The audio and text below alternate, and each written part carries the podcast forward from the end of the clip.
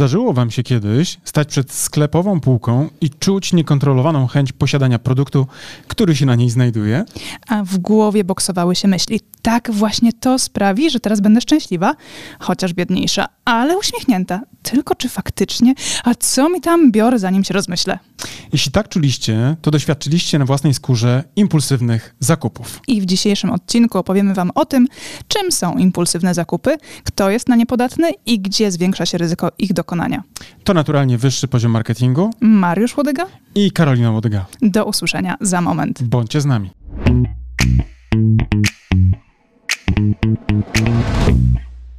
Cześć Mariuszu, Cześć Karolino. cześć drodzy słuchacze. Cześć drogie słuchacze. Drodzy, drodzy słuchacze i drogie słuchaczki. Nie? No ja to też mam swoje drogie słuchaczki, które do mnie specjalnie tu przychodzą. Wiedziałeś o tym? Do mnie przychodzą, do mnie. Nie tego się dowiedziałem ostatnio, kiedy rozmawiałem z jedną panią.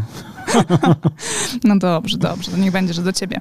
Karolina się ze mnie śmieje, to teraz wam przyznam się, że mam niezły urok i że w grupie docelowej... To nie 70 ty masz niezły urok, tylko od razu sprostuję, zanim pomyślicie w to, No. co Mariusz próbuje wam powiedzieć, No, no. że ten urok to jest urok naszego psa. Być może trochę tak jest. To jest taki atrybut do, doczepiony do mojej osobowości, ale zmierzam do tego, że ostatnio mam e, niezłe wzięcie wśród, e, nazwijmy to, demograficznie sprofilowanej części społeczeństwa. e, Powyżej 70. To są panie, które zwracają na mnie, mam nadzieję, uwagę i mówią mi, ale masz fajnego pieska.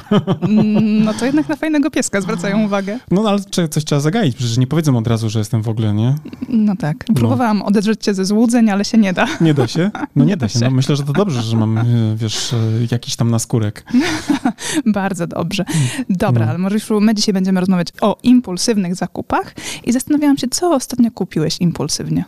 E, Wiesz co, myślę, że częściej robię impulsywne zakupy niż pewnie bym chciał przyznać, bo wiadomo, prawda, jak każdy normalny, szanujący się mężczyzna, uważam, że jestem bardzo racjonalny, Mhm. zwłaszcza na zakupach. Natomiast w praktyce oczywiście badania, e, o których będziemy dzisiaj rozmawiali, w dużym stopniu atakują tego typu pogląd i wydaje mi się, że jak każdy e, człowiek, który ma, tak co mówiliśmy już, dużo nieświadomości w sobie, prawda, dużo nieracjonalności też w sobie, ulega właśnie różnym impulsom i zastanawiam się właśnie, jak to jest z tymi zakupami impulsowymi. Będziemy mówili dzisiaj o tej ścieżce zakupowej w supermarkecie i o tym, gdzie są ulokowane właśnie te impulsowe zakupy i dlaczego tam nie bez powodu, prawda, są umiejscowione. Ale z drugiej strony wydaje mi się, że impulsowe zakupy nie są tylko i wyłącznie domeną właśnie sieci handlowych, chociaż będziemy dzisiaj o tym rozmawiali.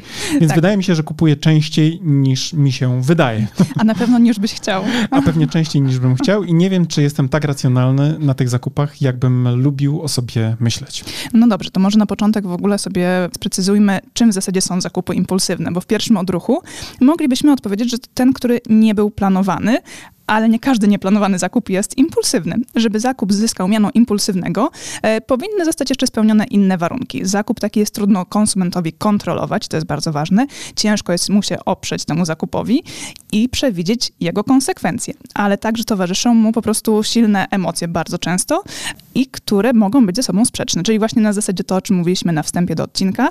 Będę szczęśliwa, jak to kupię, ale będę biedniejsza, nie będę miała pieniędzy na rachunki za prąd na przykład, tak? Ale co mi tam będzie fajnie, będzie super, ta torebka jest e, fantastyczna, nie, będzie super wyglądała.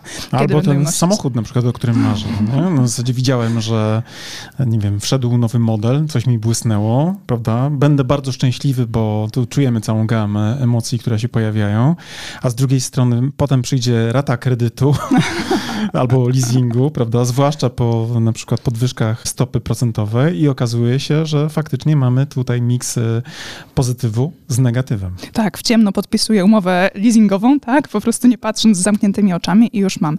I na przykład tutaj takim mocnym triggerem do takich zakupów impulsywnych były te zakupy mango. Pewnie kojarzycie je wszyscy, tak, kiedy oglądaliśmy reklamę i ojeju, te emocje, które w nas się gotowały, przecież ta ścierka do czyszczenia okien jest fantastyczna, nie zostawia smug, muszę ją mieć, tak, i po prostu w głowie nam się robiło coś niesamowitego. Ale prostu szanuj zakupy Mango, bo dzięki temu kupiliśmy, znaczy ja kiedyś kupiłem Prodisz, e, nie wiem czy to jest Prodisz, czy to jest taki termowar, pamiętasz? Ten, co na światło tak światłem podgrzewał? Mhm, mhm. No właśnie, ja na mango go wyczaiłem. Wiesz? A używasz? Używałem kiedyś przez lata nawet całe, aż nie utopiłem, bo nie powiedzieli mi wtedy, że nie wolno go myć okay. pod bieżącą wodą, ale zmierzam do tego, że e, a propos mango, uważam, że oni z poziomu e, narracji sprzedażowej i takiego oddziaływania na nas właśnie pod kątem znajomości technik perswazyjnych byli genialni, a łączyli doskonałą opowieść z doskonałym prezentowaniem danego produktu.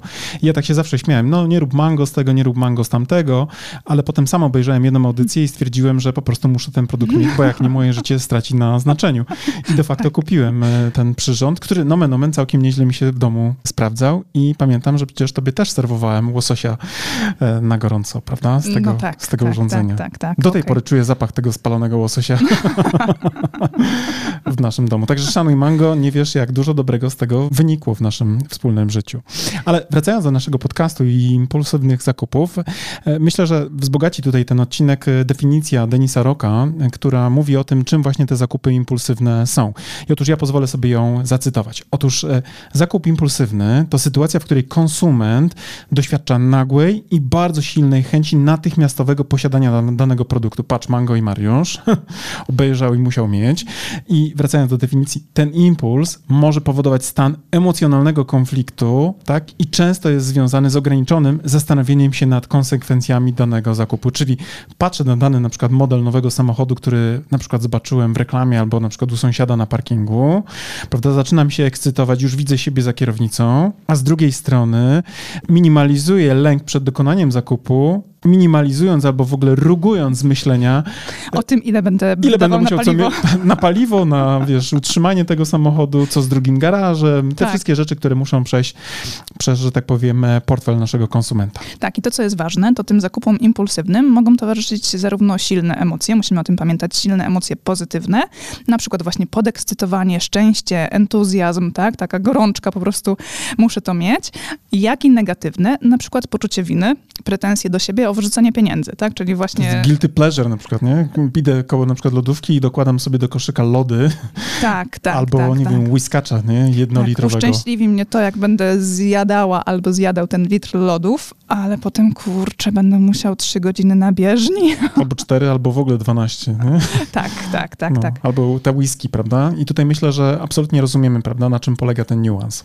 No dobra, a gdzie kupujemy impulsywnie, tak? Według Paco Underhilla, tak, wybaczcie, jeśli przekręcam jego nazwisko, ale mógł się nazywać na przykład Janusz Kowalski, byłoby dużo prościej. Otóż ten psycholog środowiskowy i badacz zachowań konsumenckich powiedział, że jeżeli chodzilibyśmy do sklepów tylko wtedy, kiedy potrzebowalibyśmy coś kupić i kupowalibyśmy tylko to, czego potrzebujemy, to teraz uwaga, ekonomia by runęła. tak, tak, tak, tak. Nasza chęć do kupowania nakręca świat. No tak, no bo wiadomo, prawda, jeżeli kupujemy tylko to, co potrzebujemy, to de facto likwidujemy właściwie pewnie z 80% różnych innych produktów, które są kupowane przypadkiem. Tak, i tutaj na potwierdzenie przychodzą też wyniki badań. E, badania przeprowadzone przez, i teraz ja może niepoprawnie wypowiem e, nazwisko, Aragoncilo i Orusa, pokazują, że 40% konsumentów wydaje więcej pieniędzy niż planowano w sklepach stacjonarnych w porównaniu tylko do 25% w przypadku zakupów online. Czyli generalnie sklepy fizyczne są bardziej ryzykowne dla osób, które mogą mieć predyspozycję do tego, żeby tak o, po prostu lekką I teraz taki mały protip dla ludzi, którzy mają biznes i którzy myślą, że będzie racjonalną decyzją na przykład likwidowanie sklepu fizycznego i przejście wyłącznie do sprzedaży Online. online'owej, ale tu muszą sobie zdawać sprawę, że z tym idą koszty. Nie tylko korzyści wynikające z mniejszych e, na przykład kosztów prowadzenia sklepu fizycznego, ale idą koszty również utraconych korzyści. Nie? Bo, tak. bo krótko mówiąc, konsument, który wpada na sklep internetowy, szuka spodni, tak? Kupuje spodnie, patrzy sobie w kategorii i dokłada do koszyka, co potrzebuje. I faktycznie tak jest, bo ja rzadko kiedy kupuję impulsowo na internecie, albo przynajmniej bardzo rzadko zauważam to u siebie. Natomiast niejednokrotnie... Bo rzadko kupujesz, to się nie znasz. To jest prawda, bo ty bardziej robisz zakupy online, to jest prawda i tutaj e, faktem jest. Ale obserwując jakby te wyniki badań, jak i też siebie na zakupach, to mogę powiedzieć, że faktycznie jestem bardzo wyliczony, bo szukam kurtki i dokładam do koszyka kurtkę jedną i drugą z ewentualnym kolejnym rozmiarem, gdyby ta mi się okazała za mała, za duża. Tak, a jedną odsyłasz później, kiedy przymierzysz. Tak jest. Więc tak. sklep robi niby obrót, ale potem de facto ma zwrot. Tak. Niestety są tacy ludzie jak Mariusz, więc jeżeli posiadacie tylko i wyłącznie sklepy online'owe, to uważajcie na nich. To uważajcie na mnie, być może będziecie przez to biedniejsi, mimo że będzie wam się na przykład CFO przypominał z informacją, hej, ale ten sklep na przykład kosztuje. E, a patrząc na to holistycznie, z nieco szerszej perspektywy, być może właśnie utrzymanie tego całego omnichannelowego doświadczenia to nie jest tylko jakby marketingowy taki wytwór językowy, ale tak naprawdę ma gigantyczny wpływ również na to, ile fizycznie sprzedajesz. Tak. I tutaj faktycznie sklepy stacjonarne mają też to większe pole oddziaływania na konsumentów, zwłaszcza w kontekście pobudzania ich emocji i zmysłów. O zmysłach i emocjach rozmawialiśmy też w jednym z naszych podcastów, więc polecamy, żeby go odsłuchać, bo tam się dowiecie, jak to wszystko oddziałuje na człowieka. W wielkim skrócie można powiedzieć, że im więcej zmysłów jest zaangażowanych w proces zakupowy, tym oczywiście lepiej, tak? Bo jeżeli zobaczymy coś, powąchamy, dotkniemy, dotkniemy to być może y, rzadziej się z tym, uwaga, rozstaniemy. A czasami nawet też usłyszymy, tak? A czasami też jeszcze usłyszymy, tak, tak jest. A także odpowiednia aranżacja wnętrz i rozmieszczenie produktów w sklepach, tak? No bo jeżeli wchodzimy do takiego przykładowo Lidla czy Biedronki, to pierwsze co czujemy, zapach, zapach pieczywa. I nie tak? bez powodu, prawda? Bo oczywiście zapach pieczywa triggeruje nas, momentalnie jesteśmy głodni. Ja też wielokrotnie już doświadczyłem na sobie, że na przykład e, gdy e, właśnie zmysł węchu mnie zaktywizuje w jakiś mhm. sposób, to momentalnie jestem na przykład gotowy, nie wiem, sięgnąć po coś, czego jeszcze minutę wcześniej absolutnie nie czułem, uwaga, nie czułem, że potrzebuje, tak, prawda? Tak, tak. A dodatkowo jest tak, że często jeżeli potrzebujemy jakiegoś produktu ze sklepu, to okazuje się, że on jest na jego samym końcu, więc musimy przejść przez cały sklep, żeby do niego dotrzeć, czyli po drodze minąć masę różnych alejek i setki albo nawet tysiące różnych produktów, które aż wołają o naszą uwagę i o to, żeby się znaleźć w naszym koszyku, tak? A potem z kolei musimy wrócić do jednego z miejsc, którego w zasadzie w żadnym sklepie nie jesteśmy w stanie ominąć. I ja tak się zastanawiam czasami, na przykład jak jestem na zakupach takich typowo właśnie spożywczych, na zasadzie jaki był motyw stojący za tym, że ktoś na przykład jajka odsunął tak daleko od mleka. Mm-hmm. Przecież dla mnie naturalne, bo kupuję jajka, to obok kupuję mleko, prawda? Są... A pieczywo jest jeszcze w zupełnie a innym A tym cwaniakom, którzy ustawiają tą ścieżkę zakupową, właśnie o tym chodzi, żebyśmy przeszli jak najwięcej tych alejek i przy okazji, o, zobacz, płatki do mleka, o, zobacz, y, ketchup, o, zobacz, y, nie wiem, przyprawa jeszcze taka i śmaka, prawda? I zobaczyli coś jeszcze i ten koszyk wypełnili przez to do brzegu. Tak, no i właśnie. I generalnie kończąc zakupy, docieramy do miejsca, którego nie jesteśmy w stanie ominąć w żadnym sklepie, czyli do kas. I wiecie, jak wyglądają przestrzenie przy kasach, zwłaszcza w marketach, prawda? Batony, cukierki, energetyki, słodkie napoje, czekoladki. Dokładnie. To tak zwana złota strefa, gdzie umieszczone są y, produkty, którym, uwaga, najtrudniej jest się oprzeć. Ile razy ja włożyłem jakiś baton e, przy kasie do koszyka, to już A nie, nie zliczę. daj Bóg, pójdziesz z dzieckiem do sklepu. Biedne dziecko, nie? Bo ono musi albo lizaka jeszcze, czupa czupsa, Kinder prawda? niespodziankę. Kinder niespodziankę. Tam naprawdę jest pole minowe, jeśli chodzi o odporność psychiczną na impulsywne zakupy. E, często jest też tak, że im większa oczywiście przestrzeń sklepu, w którym się znajdujemy, tym pojawia się więcej okazji do impulsywnych zakupów. Jaki z tego wniosek płynie? Jeśli macie skłonność, uwaga, do impulsywnych zakupów, lepiej unikajcie centrów handlowych, dyskontów i supermarketów, bo tam jest generalnie rzecz biorąc jedno wielkie zakupowe szaleństwo. Tak, no właśnie, ale powiedziałeś skłonność, więc kto w takim razie ma skłonność do impulsywnych zakupów? Po pierwsze, taka skłonność do impulsywnych zakupów może wynikać z pewnych cech osobowości E, i może łączyć się z negatywnymi wzorcami zachowań, takimi jak trudne do kontrolowania sięganie po niezdrowe przekąski. I wiecie, gdzie tych przekąsek jest całkiem sporo, prawda? Już o tym mówiliśmy, wspomnieliśmy. W tej złotej strefie kas. A nie daj Bóg, jeszcze będziemy zestresowani, bo w pracy było ciężko, albo ciężko było zaparkować, albo ktoś po drodze nas strąbił, nie wiadomo co zrobił, to wtedy ryzyko impulsywnego kupienia czegoś słodkiego rośnie pod sam sufit. No i tutaj też musimy pamiętać, że istnieje taka grupa osób, która charakteryzuje się w ogóle tendencją do zajadania negatywnego stresu. Taką grupę osób nazwano jedzącymi emocjonalnie. I te osoby są oczywiście bardziej skłonne do kupowania impulsywnie. Dodatkowo na impulsywne kupowanie narażone są też osoby, które zorientowane są na teraźniejszość, a profesjonalnie mówiąc mają, uwaga, orientację temporalną skierowaną na teraźniejszość. Czyli to są osoby, które w głównej mierze dbają o swoją obecną sytuację, nie przeszłość, czy tym bardziej przyszłość. Często takie osoby zachowują się spontanicznie, nie myśląc o tym, jak to zachowanie wpłynie na ich przyszłość. Takim osobom bardzo trudno jest oszczędzać na przykład, a co za tym idzie, łatwiej tym osobom przychodzi wydawanie. Tu no, i teraz. No właśnie, i ty masz tą orientację temporalną skierowaną na przyszłość, dlatego tak dobrze jesteś wyliczony podczas zakupów i tak rzadko ulegasz tym impulsywnym zakupom. E, w przeciwieństwie na przykład do polityków, którzy w obecnej orientacji sprawują władzę, a którzy mają przede wszystkim orientację na przeszłość, prawda? Czyli no, tak. cała martyrologia historyczna, czyli właściwie zakorzenienie w tym, co było, bez widoku na przyszłość. To taka mała dygresja, ale z drugiej I strony... oddajcie nasze pieniądze z tamtych lat. Oddajcie tak, oddajcie pieniądze za las. I teraz patrząc na to tak strategicznie, to oczywiście musimy pamiętać o tym, że jeżeli myślimy o sobie jako osobie, która ma ograniczyć na przykład podatność na wpływ e, impulsów zakupowych, to oczywiście bardzo dobrze jest myśleć w kontekście właśnie do przodu horyzontu, gdyż e, wtedy być może na przykład, jeżeli potrafimy połączyć pewne kropki, będziemy bardziej odporniejsi na takie właśnie impulsy zakupowe. Tak, no i tutaj też nie moglibyśmy nie wspomnieć, że płeć konsumenta również ma znaczenie, tak? Czyli mówimy tutaj albo kobieta, albo mężczyzna i prawdopodobnie dobrze myślicie, że to u kobiet to zjawisko jest częstsze. Wynika to prawdopodobnie z tego, że kobiety i mężczyźni w inny sposób czerpią po prostu korzyści z impulsywnych zakupów. Dla mężczyzn ważna jest możliwość szybkiego zakupu i szybkiej konsumpcji, a z kolei dla kobiet ważniejszy jest sam proces kupowania i przebywania w sklepie. Tak, to doświadczenie w ogóle zakupów, tego, że ktoś się zainteresuje nami, że możemy coś dotknąć, tak, że e, możemy wybierać i podejmować decyzje. Ale wpływ na to wszystko jeszcze ma fakt, że to generalnie po prostu kobiety robią więcej zakupów, zwłaszcza tych produktów szybko zbywalnych. Tak? To jednak w takich dyskontach, w Lidlu, w Biedronce większość jest kobiet, a nie mężczyzn, którzy robią zakupy do domu, e, a po prostu w ich przypadku, w przypadku tych kobiet, łatwo jest o decyzje szybkie i spontaniczne.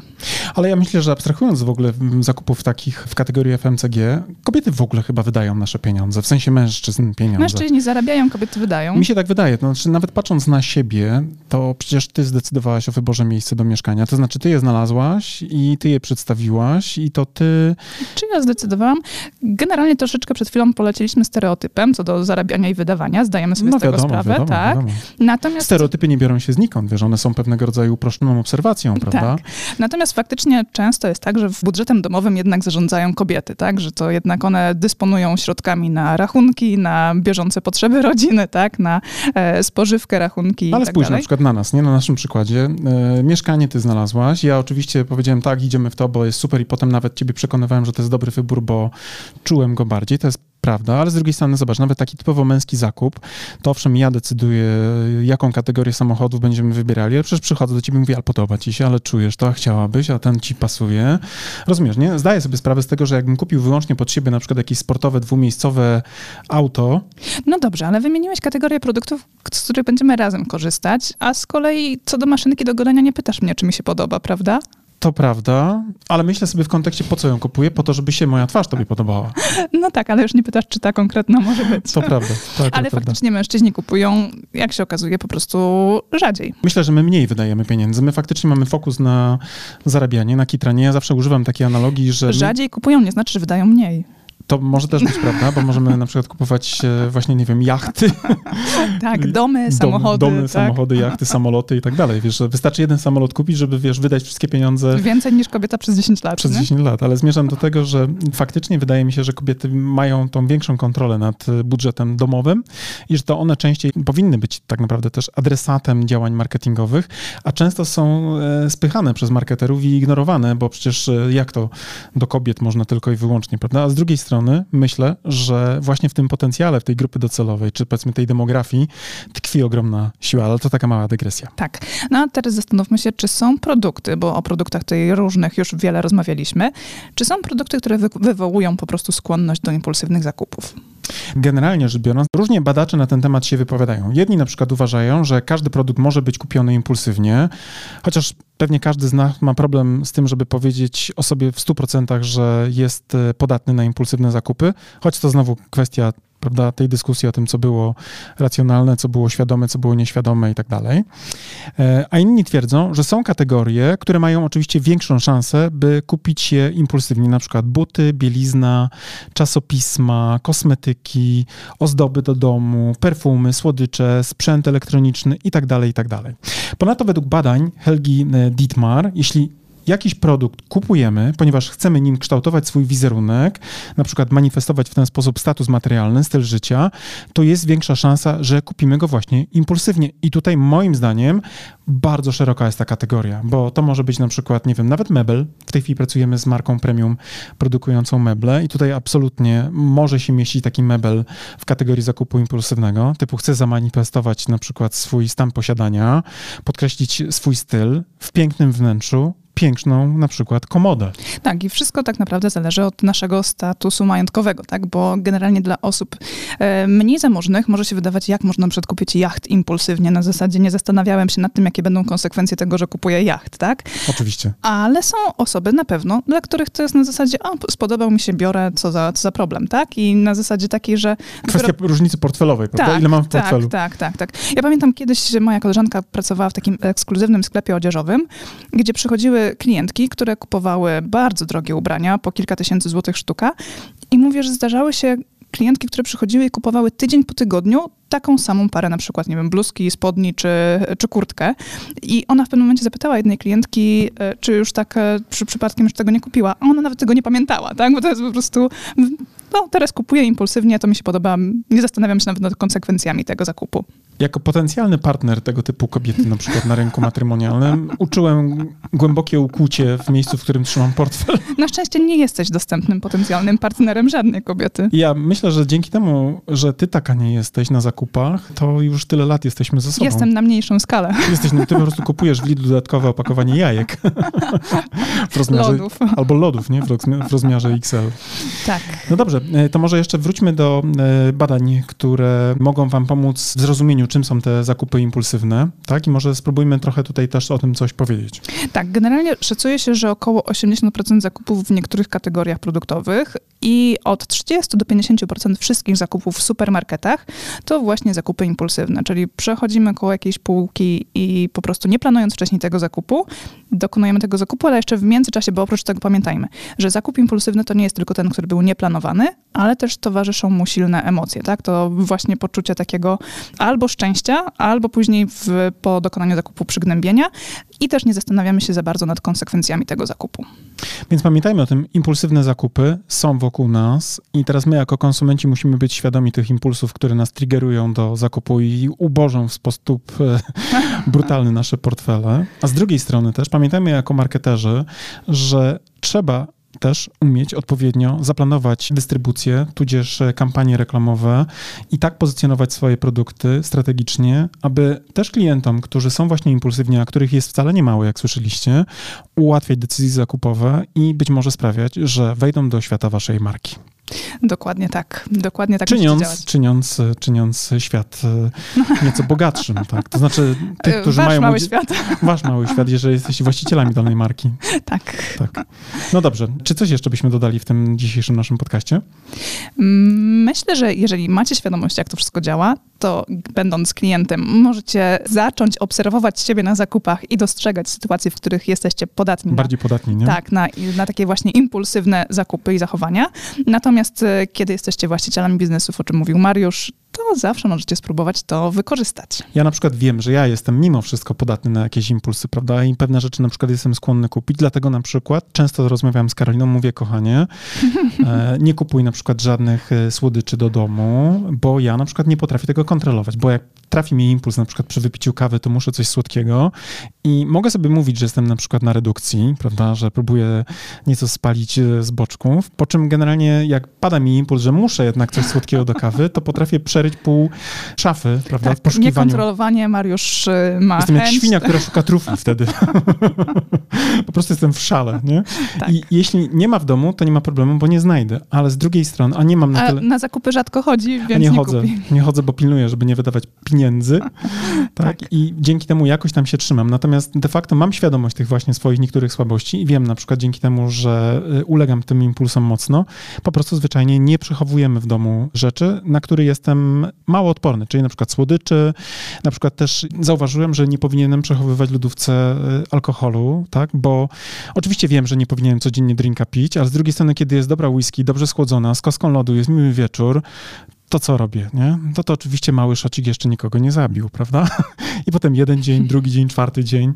A kiedy na przykład nie mam dostępu do tego typu używek, to potrafię na przykład całymi miesiącami nie ruszyć i nie ma problemu. Pod warunkiem oczywiście, że jakiś impuls mnie nie triggeruje i nie mam, krótko mówiąc, przed oczyma tego typu impulsów. Więc znowu patrząc na z rynku, powiedzmy, czy powiedzmy z optyki e, zarządzającego marką, to oczywiście miejcie świadomość, że wasi konsumenci są mniej racjonalni i tak trzeba ustawiać komunikację, żeby e, również te zakupy impulsowe ułatwiać. A z drugiej strony, kiedy jesteście konsumentami na zakupach, pamiętajcie, no nie ma takich mocnych, którzy się są w stanie oprzeć wszystkiemu.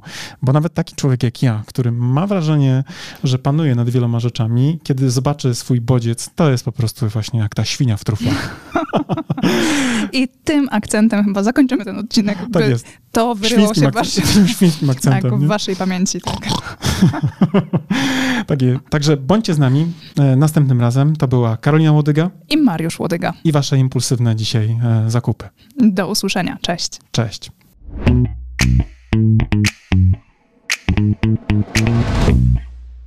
No i to był bardzo ciekawy odcinek. Myślę, że był dla Was inspirujący, ale z drugiej strony też myślimy sobie, że być może część z Was będzie szukała na przykład odpowiedzi na pytanie, jak Karolina i Marżułodyga może Wam pomóc, prawda? I jak możemy Was wprowadzić na wyższy poziom marketingu. No właśnie, bo przecież my właściwie de facto nie żyjemy tylko z tego, że nagrywamy podcasty, ale też tak naprawdę obsługujemy naszych klientów, prawda? Nasza firma konsultingowa, działająca już kilkanaście lat na rynku, obsłużyła właściwie, nie potrafię nawet już zliczyć w tym momencie ile klientów, ale tak naprawdę wypracowała sobie kilka naprawdę mocnych kierunków na współpracę z wami.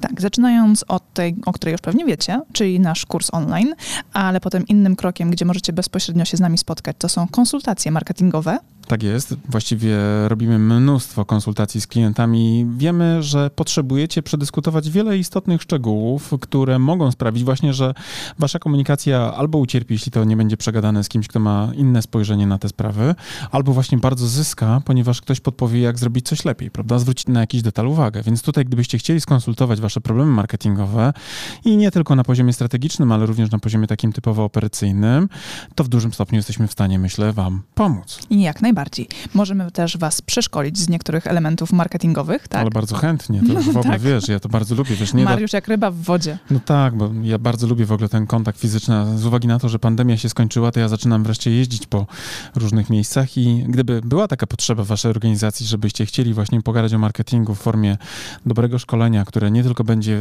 wiedzowe, ale też i zainspiruje w dobry, fajny sposób was i waszego, nie wiem, szefa, ale też i wasz e, zespół marketingowy do bardziej bardziej efektywnej pracy marketingowej, no to ja nie wiem, czy jestem w stanie polecić kogoś lepszego. Naprawdę nie wiem. Chciałbym, ale nie wiem, czy, czy znajdę w mojej pamięci. No. Nie pamiętasz, tak? Nie pamiętam, no. Tak, ale możemy też dla was zrobić coś, co strategzy lubią najbardziej, czyli opracować po prostu strategię marketingową dla waszej marki. Ale gdyby się okazało, że strategię już macie i potrzebujecie na przykład zweryfikować pewne założenia i na przykład tylko i wyłącznie potrzebujecie strategów do tego, żeby zrobić badanie marketingowe i wyciągnąć nowe insighty z tej grupy docelowej, do której chcecie dotrzeć, to również to robimy i z przyjemnością pomagamy naszym klientom w tym zakresie. I co więcej, uważamy, że raz na jakiś czas dobre badanie jeszcze nikomu nie zaszkodziło, nie? Zdecydowanie nie. a być może wręcz pomogło.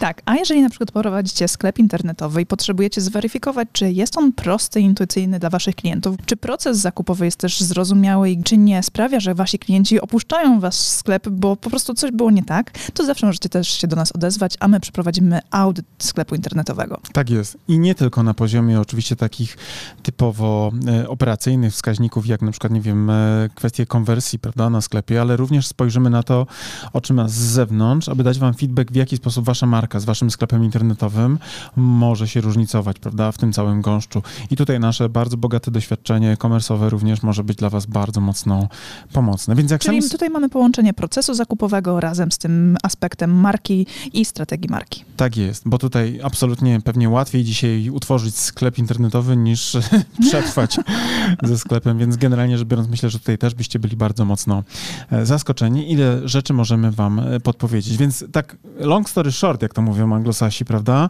Jesteśmy do usług i chętnie wam pomożemy wprowadzić wasze marki na wyższy poziom marketingu, prawda? Dokładnie tak. Wystarczy, że się do nas odezwiecie. Tak jest. Piszcie do nas na socialach lub też po prostu zwyczajnie na, na przykład... Na mailach. Na mailach, tak jest. tradycyjnie, tak jak trzeba, prawda? Czyli Tak. na przykład m.lodyga małpa małpa premium-consulting.pl albo k.lodygałpa premium-consulting.pl, prawda? Tak. Żadnych podkręconych piłek tu nie było, zwróciłaś uwagę? A jak nie wiecie, jak zapisać m.lodyga, to zawsze może być biuro małpa premium-consulting.pl. Ale pięknie to powiedziałaś. Drodzy, to nie przedłużamy już tej naszej reklamy, no i mówimy do zobaczenia, do usłyszenia już niebawem. Cześć! Cześć! Thank you.